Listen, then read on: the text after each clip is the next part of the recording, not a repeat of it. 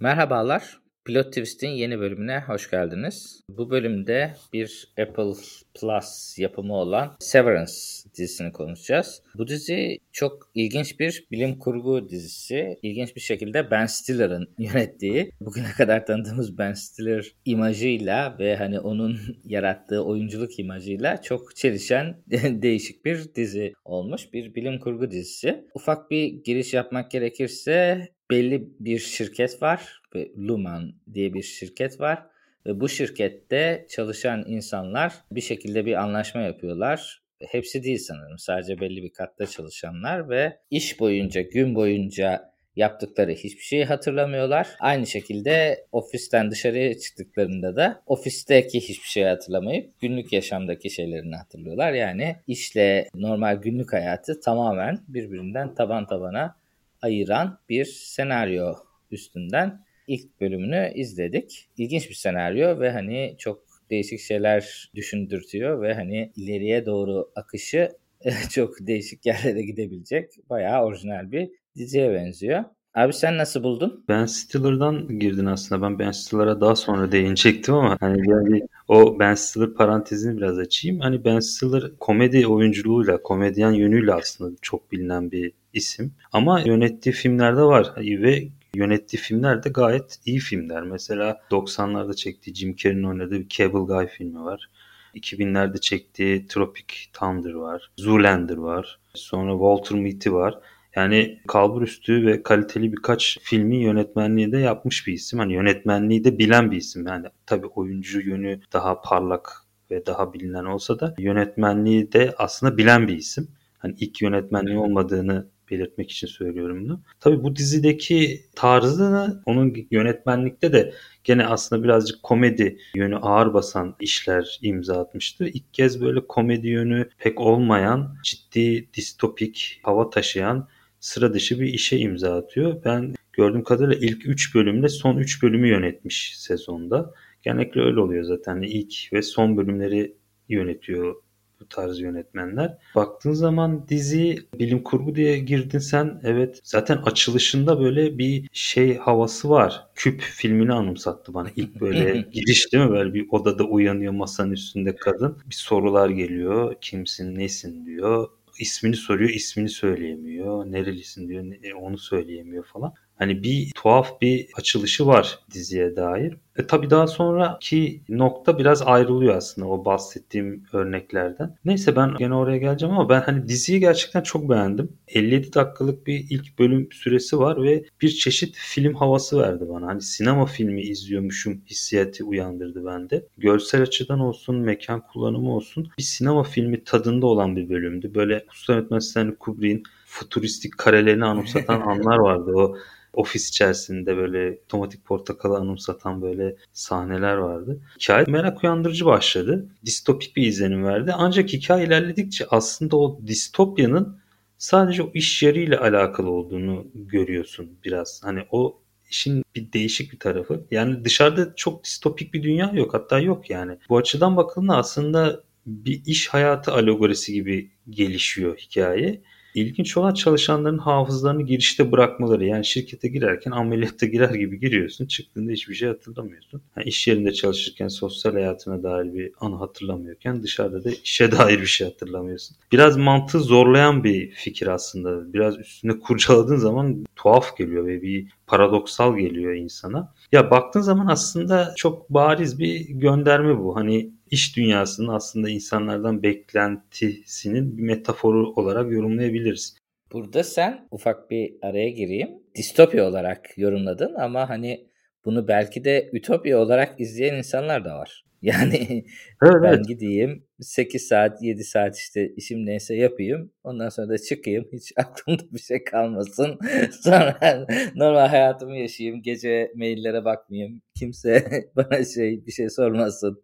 işimle ilgili falan. Hani bir yandan aslında şunu düşünüyorum. Şirket olarak da hani böyle bir iş yapmak için hani böyle bir işi yapıyorsan ya hani orada çok top secret bir şeyler yapıyorsundur. O yüzden çok high güvenlik sistemi bilmem ne. Hani böyle bir şey yapan şirkette çalışıyorsan muhtemelen kirli işler falan olur. O yüzden hani bunu yapmak istemezsin. O yüzden de hani çok aşırı para verecekler gibi bir his uyanır. Ama dediğin gibi öyle bir şey de yok. Herkes çok normal çalışan gibi insanlar giriyor, çalışıp çıkıyor yani. Ama hani bir taraftan bakarsa da ütopik bir tarafı da var yani. Sadece distopya değil. Evet ya ütopik de var distopik de var ama distopik tarafı biraz şey hani oraya şirkete girişte senin sosyal hayatına dair hiçbir şey hatırlamış, hatırlamıyor olman ve hafızanın oradan silmesi de aslında bir distopya. Yani bir senin bir köleliğin, kişiliğini satın almak gibi oluyor. Hani o şirkete girdiğinde tüm benliğinle oraya ait oluyorsun baktığın zaman. Aslında iş dünyasında kurumların çalışanlardan tam olarak beklediği bir şey bu dediğin gibi. Hani modern köleliğin tam olarak metaforik bir tanımı.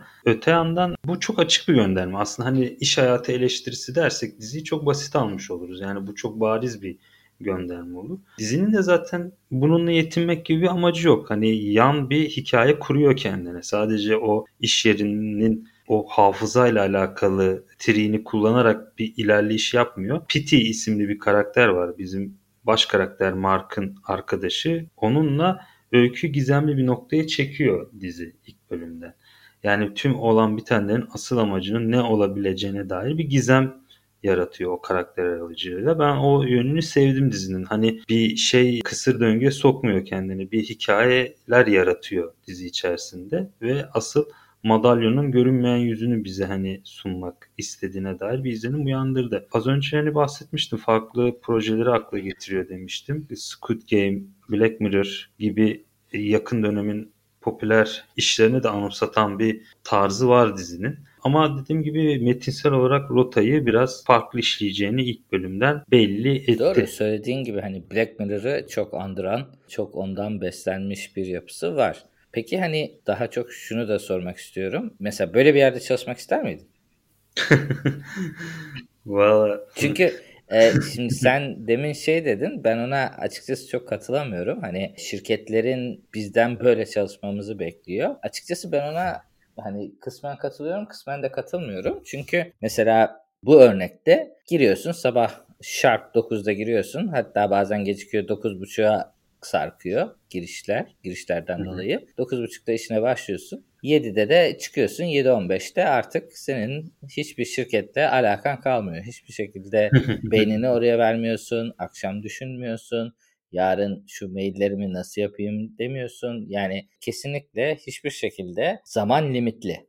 Özellikle mesela Covid döneminde yani kendi başıma geldiği için de biliyorum. İnsanların biraz da evden çalışmasıyla evle iş birbirinin içine çok girdi. Birbirinin içine çok girdiği için aslında günün sonunda işle ev iyice birbirine karıştı. Yani insanlar şey diyor hani evden çalışınca verim çok yükseliyor, aşırı artıyor. Keşke hep bundan sonra böyle yapılalım diyor. Ben, ben buna hiç katılmıyorum yani. Evle işin hani bir şekilde birbirinden ayrılması lazım. Zaten hani work life balance diye kendileri de söylüyorlar. Hani o iş ve gerçek hayat dengesinin daha dengeli kurulması lazım. Tabii burada çok aşırı öbür bir uça itiyorlar. Yani birbirinden bu kadar ayrılmış bir şeyde de gerçekten yani senin performansını da aslında çok etkileyebilecek bir diğer bir uca etiliyor. Ve hani biraz sanki ütopyayı veya işte distopyayı gösterip hani tamam evden çalışmayalım, full evden çalışmayalım ama hep ofise gidersek de böyle olur gibilerinden böyle değişik bir distopya kurgulamışlar gibi bana geldi. Yani diğer türlü kendini daha çok şirkete adamış oluyorsun. Burada evet. daha başka yönlü ama ikisi de hani çok sağlıklı görünmüyor benim açımdan. Ya şöyle aslında benim demek istediğim hani şimdi iş yerinde ne kadar verimli çalışırsan çalış mutlaka senin dikkatini dağıtan bir unsurlar vardır. Sosyal hayatla iletişim olduğun müddetçe hiçbir zaman işe tam olarak kendini vermezsin. Telefon kurcalarsın ya da işte eşinle dostunla konuşursun. Başka şeyler düşünürsün. İş yerindeyken ya bu sene tatile nereye gideceğim diye düşünürsün falan. Ha şimdi buradaki çalışma ortamında öyle bir şey yok. Öyle bir şey mümkün değil çünkü. Oraya girdiğin an iş dışında bir saniye bile hiçbir şey yapamıyorsun. Çünkü bir şey yok kafanda oraya girdiğince. Hani bu benim hani distopik yönünü bulduğum taraf buydu dizinin. Hani oraya o kurumun o çatı altına girdiğin an senin hiçbir şey düşünmene müsaade etmiyor orası.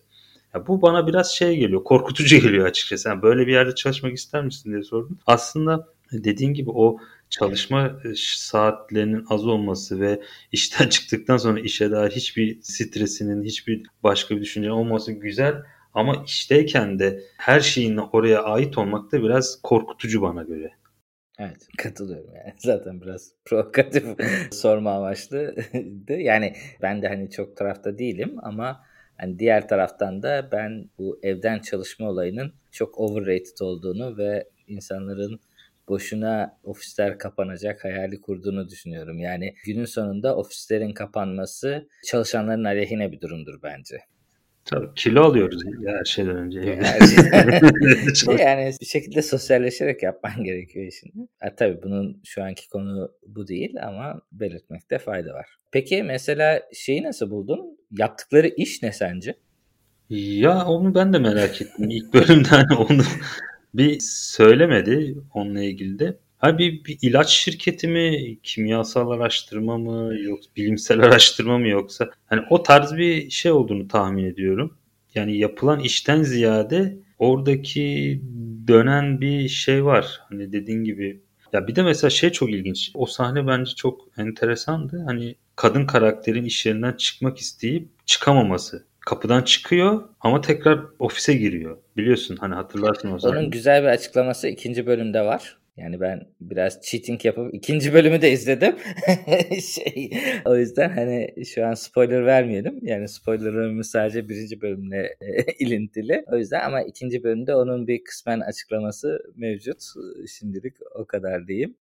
Ha, kendi zihninde çıkamıyor ama başka dışarıdan baktığında çıkıyor.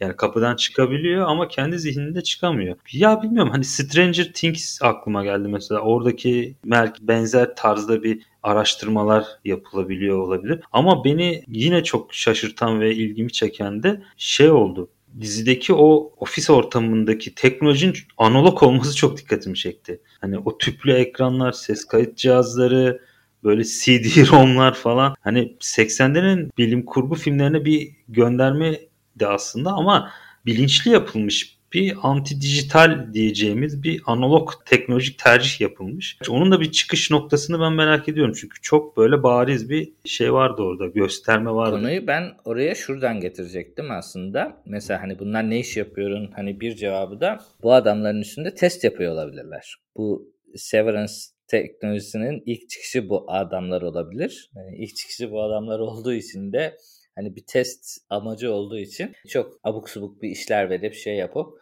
hani bunu bile yapıyorlar mı, yapabiliyorlar mı iyi gösteren bir durum olabilir. Analogluğun bir tarafı şu olabilir. Hani hacklenme veya işte oradaki bilgilerin çalışmasından dolayı çok eski teknolojileri kullanmaya devam ediyor olabilirler. Hani böyle bir yere gidebilir. Ya da işte hani Lost'taki duruma da gidebilir. Hani burası biraz Lost spoiler olacak ama hani Dharma Initiative'in durumundaki gibi hani bunlar böyle çok değişik e, deneyler yapan bir firma şeklinde bir hani yere de oraya gitmeyecek senaryo orası belli ama hani oraya bir gönderme şeklinde bu eski tip analog şeyleri kullanma ve hani o ekranları kullanma gibi bir gönderme açısından bir şey yapılmış olabilir. Ben de şeyi merak ediyorum yani bunların gerçekten ne işi yapıyorlar ve hani ne iş için gerçekten bu kadar insanların beynine çip sokacak kadar gizli ya da işte unutmalarını isteyecekleri iş ne? Gerçekten o biraz merak uyandırıyor.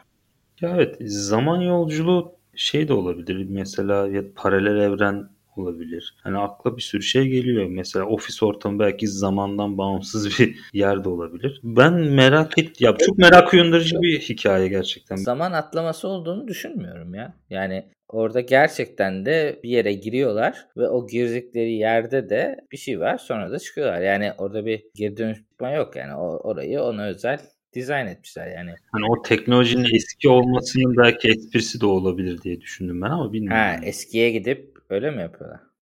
Ya çünkü çok enteresan. Yani şimdi 2020 bakıyorsun yani ortam dizide bir zaman açıklamıyor hani günümüzde mi geçiyor falan ama hani dışarıya çıktığında o dışarıdaki hayata baktığında günümüz izlenim veriyor arabalardan gittiği kafelerden falan ama ofis ortamı direkt o teknoloji e, bir 20-30 sene öncesinin teknolojisi. E, haliyle ben de o bir olabilir diye düşünüyorum. Ama tabii iş biraz farklı noktalara da gidiyor. Mesela bölümün sonunda ofisteki yetkili kadını görüyor evinde. O kadınla bir konuşması var. Rosanna Arquette o da yine meşhur bir. Dizinin oyuncuları da bayağı iyi oyuncular var bu arada. Onları da bir geliriz birazdan. Bakalım yani ben gerçekten bu podcast serisinde ele aldığımız diziler arasında bende şu ana kadar en çok heyecan uyandıran iş oldu gerçekten ileriye dair. Diziyle ilgili bir spoilersız okuduğum yorumlarda da bayağı övgüyle bahsedildiğini gördüm sezon finaliyle hakkında da. İkinci sezon onayında almış sanırım Apple'dan. İkinci sezonda yayınlanacak. Merakla bekliyorum. Valla bilmiyorum hani gerçekten bir teori üretmeye çalışıyorum ama hani nasıl bir gideceğine dair çok bir fikrim yok. Dizi o açıdan ilk bölüm yani bir dizinin ilk bölümü nasıl olmalı sorusunun gerçekten cevabı aslında. Hani hem merak uyandırıyor hem merak uyandırıyor hem kartlarını çok güzel sunuyor. Hem çok açık vermiyor. Gerçekten malzemesini çok iyi kullanıyor. Ve gerçekten bir de şunu da söyleyeceğim ben. Hani dizi böyle sinema, film, filmleri çok seven, filmleri çok izleyen insanlar genellikle dizilere karşı mesafelidir biraz. Çok film seven insanların da bu diziyi seveceğini anlıyorum. Çünkü klasik dizi mantığından da biraz farklı olarak bir sinema filmi dokusu var dizide ve bir sinema filmi izliyormuş havası veriyor insana. O yönü de görsel anlamda kuvvetli ve böyle dizilere mesafeli olan sinema severleri de kendine çekebilecek bir dizi olduğunu düşünüyorum. Bahsettiğin gibi oyuncu kadrosu çok iyi ve hani oyuncuların da buradaki performansı da çok iyi. Henüz Christopher Walken'ı göremedik ilk bölümde. O da kadroda mevcut. İlk bölümde John Turturro var. Bölümde sadece yani çok iyi. John Turturro var. Yine ilk bölümde çok fazla görünmüyor ama ikinci bölümde performansını arttıran bir oyunculuğunu görüyoruz. Yani ben Rosanna Arquette dedim ama Patricia Arquette deniyor. Cardi. evet. Ben aslında Adam Scott'ı da beğendim. Gerçekten şey giriş ve çıkış anını çok iyi yansıtıyor. Yani içerideki adamla dışarıdaki adamın farklılıkları dışarıda başka bir modda takılıyor. içeride başka bir modda takılıyor. Bunu da aslında güzel vermiş. Yani oyunculuk olarak ilk bölümdeki oyunculuklarda. Ya Adam iyi. Scott gerçekten ben de çok beğendim. Ve Adam Scott aslında baktığı zaman filmografisine böyle çok önemli bir rolü ve filmi de yok. Ben şeyden çok şeyde benim hafızama kazınmış bir isimdi ve çok kıl, çok sinir bozucu bir tipi oynuyordu. Step Brothers. Bu Will Ferrell'ın oynadığı bir komedi filmi 2008 yapımı. Don't Look Up'ın yönetmeninin yönettiği bir filmdi o da. Adam McKay filmi. Benim o filmden hatırladığım bir isim. O filmde ultra gıcık bir tipi canlandırıyordu. Ben hani görünce zaten dedim ya ben bu, bunu hatırlıyorum bir yerden bu adamı dedim. Sonra bakınca film okursun aa dedim bu Step Brothers'daki şerefsiz dedim hatta böyle. Ama ya gerçekten aşmış yani. Çok şey bir adam değil. Hani böyle irili ufaklı rollerle bildiğimiz bir isim ve bu dizide gerçekten kendini aşan bir oyunculuk sergiliyor ve role de çok iyi gitmiş bana göre. Muhtemelen bu dizi sayesinde isminden bayağı söz ettireceği gibi gözüküyor kendisi ve hak ettiği noktaya gelir diye umuyorum. Peki sana şu soruyu da sormak istiyorum. Aslında hani geçişlerle ilgili ve hani bu bir insan bunu niye, niye kabul eder veya nasıl bir ruh haliyle kabul edersin konusunda. Bir diğer değinmek istediğim konu da aslında içerideki insana pek şans vermiyor. İçerideki kişinin ne yaptığıyla aslında çok ilgilenmiyor. Kararı, çalışma kararını dışarıdaki kişiliğin aslında bunun içerideki kişi olup olmadığı biraz tartışma konusu ama içerideki insanın yani şirketin içindeki ruh halinin konuyla ilgili bir karar alma mekanizması kalmamış. Tamamen sen hani oraya tekrar dönüyorsa ki içeride yaşadığın hiçbir şeyi hatırlamadığın için dönme şansın her zaman daha yüksek. Sürekli bir dönme şeyin var ve orada mesela bir sahne var. Adamı terfi ettiriyorlar yani adam içeride aslında bir terfi alıyor o gün. Ama terfi aldığından haberi yok. Mesela dışarıya çıkıyor. Zaten içeride ne iş yaptığını bilmediği için içeride aldığı terfinin de bir anlamı kalmıyor. Muhtemelen parası da değişmiyor ya da işte ay sonunda hesabına yatan para değişince belki fark edecek bunu ama o da bana çok ilginç geldi. Yani senin gerçekten hiçbir şekilde karar almadan işe gitmen çünkü çalışma motivasyonu denilen şeyleri düşündüğümüz zaman insanların en büyük çalışma motivasyonu işte bir yaptığın işten para kazanıyorsun. İşte yatan bir para var. O kariyerin senin için önemli. Onun dışında da tabii yaptığın işte bir gururlanma, işte geldiğin pozisyondan dolayı etrafa hava atma, o tarz şeyler insanlar için motivasyon kaynağı olabiliyor. Ama hani bu kez de bütün o motivasyon kaynaklarını da sıfırlamış. Sadece paraya indirmiş bir durum var. Adam Scott'tan da görüyoruz ki aslında zeki ve yani kafası çalışan insanları topluyorlar. İşte bu adam bir tarih profesörü. Ya tarih profesörü orada ne yapıyor mesela? o da ha, ne yapıyor yani? Gerçekten tarih profesörünü hani unutturacak ne yap ne yapabilirsin? Hani soykırım mı tasarlatıyorsun? Ne yapıyorsun? Yani gerçekten hani böyle şeyler düşünüyorsun ama hani içeride yaptıkları da böyle dandik bir iş. Aynı soruyu sana da soruyorum. Hani burada içerideki adama biraz nasıl derler haksızlık oluyor mu diyeceğim ya da içerideki o motivasyonların olmaması dışarıdaki adamı zaten etkilemiyor. Zaten haberi yok. Hani bu da insanda bir çalışma motivasyonu kaybettiriyor mu? Şey mi demek istiyorsun? Yani dışarıya hatırlamaması daha mı negatif etki yaratıyor? Yok mesela adam bu bölümde gitti terfi aldı ama dışarıdaki adam dışarıya çıktığın zaman terfi alıp almadığını bilmiyor. Zaten hiçbir şekilde içeride ne iş yaptığını bilmediği için terfi almasının da bir önemi yok. yani hiçbir şekilde şey almıyor. Hani böyle bir hani bir motivasyonsuzlukla işe gidiyorsun. Yani sen sürekli işe gidiyorsun ama arayı hiç hatırlamadığın için zaten ha yer süpürmüşsün ha oranın bütün CEO'su olmuşsun. Hiçbir farkı ya, yok. Evet. Ya ama mesela dışarıdaki yaşantısını da bize gösteriyor dizi ilk bölümde. Dışarıdaki yaşantısından benim edindiğim izlenim biraz mutsuz olduğu yönünde. Hani bir mutsuzluk, bir karamsarlık var karakterin üzerinde. Orada şey var işte karısını kaybetmiş. Travmatik bir geçmişi var. Bu da aslında belki bir ipucu verebilir. Acaba orada çalışanlar hepsi aynı Mark gibi travmatik bir geçmişe mi sahip acaba onu unutmak için mi ya da bir tedavi mi görüyorlar orada diye düşündürüyor insana. Bak bu da olabilir evet. Hani çünkü dışarıdaki hali dediğin gibi mutsuz bir karakter. Orada çalışmak istemesi belki de o geçmişinin yarattığı tahribatı ya da acıyı unutup tedavi olma ihtiyacı Ama olabilir. pek tedavi edici de bir şey gibi görünmüyor yani. Orada işin ilginci ağladığını görüyoruz ilk oraya giderken. Aslında işe giderken. Orayı hatırlarsın. Ya dışarıdaki yaşantısı gerçekten bir travmatik belli ki. Ama içeride gayet kendinden emin. işini yapıyor, çalışıyor. Bilemiyorum yani nasıl bir bağlantı kuracaklar. Hani o arkadaşı bir şeyler çıkartacak. Hani burada bir işler dönüyor oyun büyük yeğenim falan tarzında dolanıyor ama orada da öyle bir bağlı. Oyun büyük diyenleri de dinlemek lazım mı değil mi orada düşünmek lazım ama. O şirketin iç yüzünü de bize açıklayacağı benziyor. Bakalım ya merakla bekliyorum. Ama dediğine katılıyorum. Dediğin gibi hani dışarı çıktıktan sonra o iş teki o terfin olsun, ünvanın olsun onun havasını atamadıktan sonra dediğin gibi o terfinin de bir şeyi yok. Dışarıda çünkü bir işle alakalı kurduğun bir sosyal ünvan yok. Çıktığın an resetleniyorsun. Hiçbir şey hatırlamıyorsun. Bir not bırakıyorlar gerçi hani kafasında bir yara nasıl oldu falan diye bir açıklama yapıyorlar. O herhalde dava açma diye.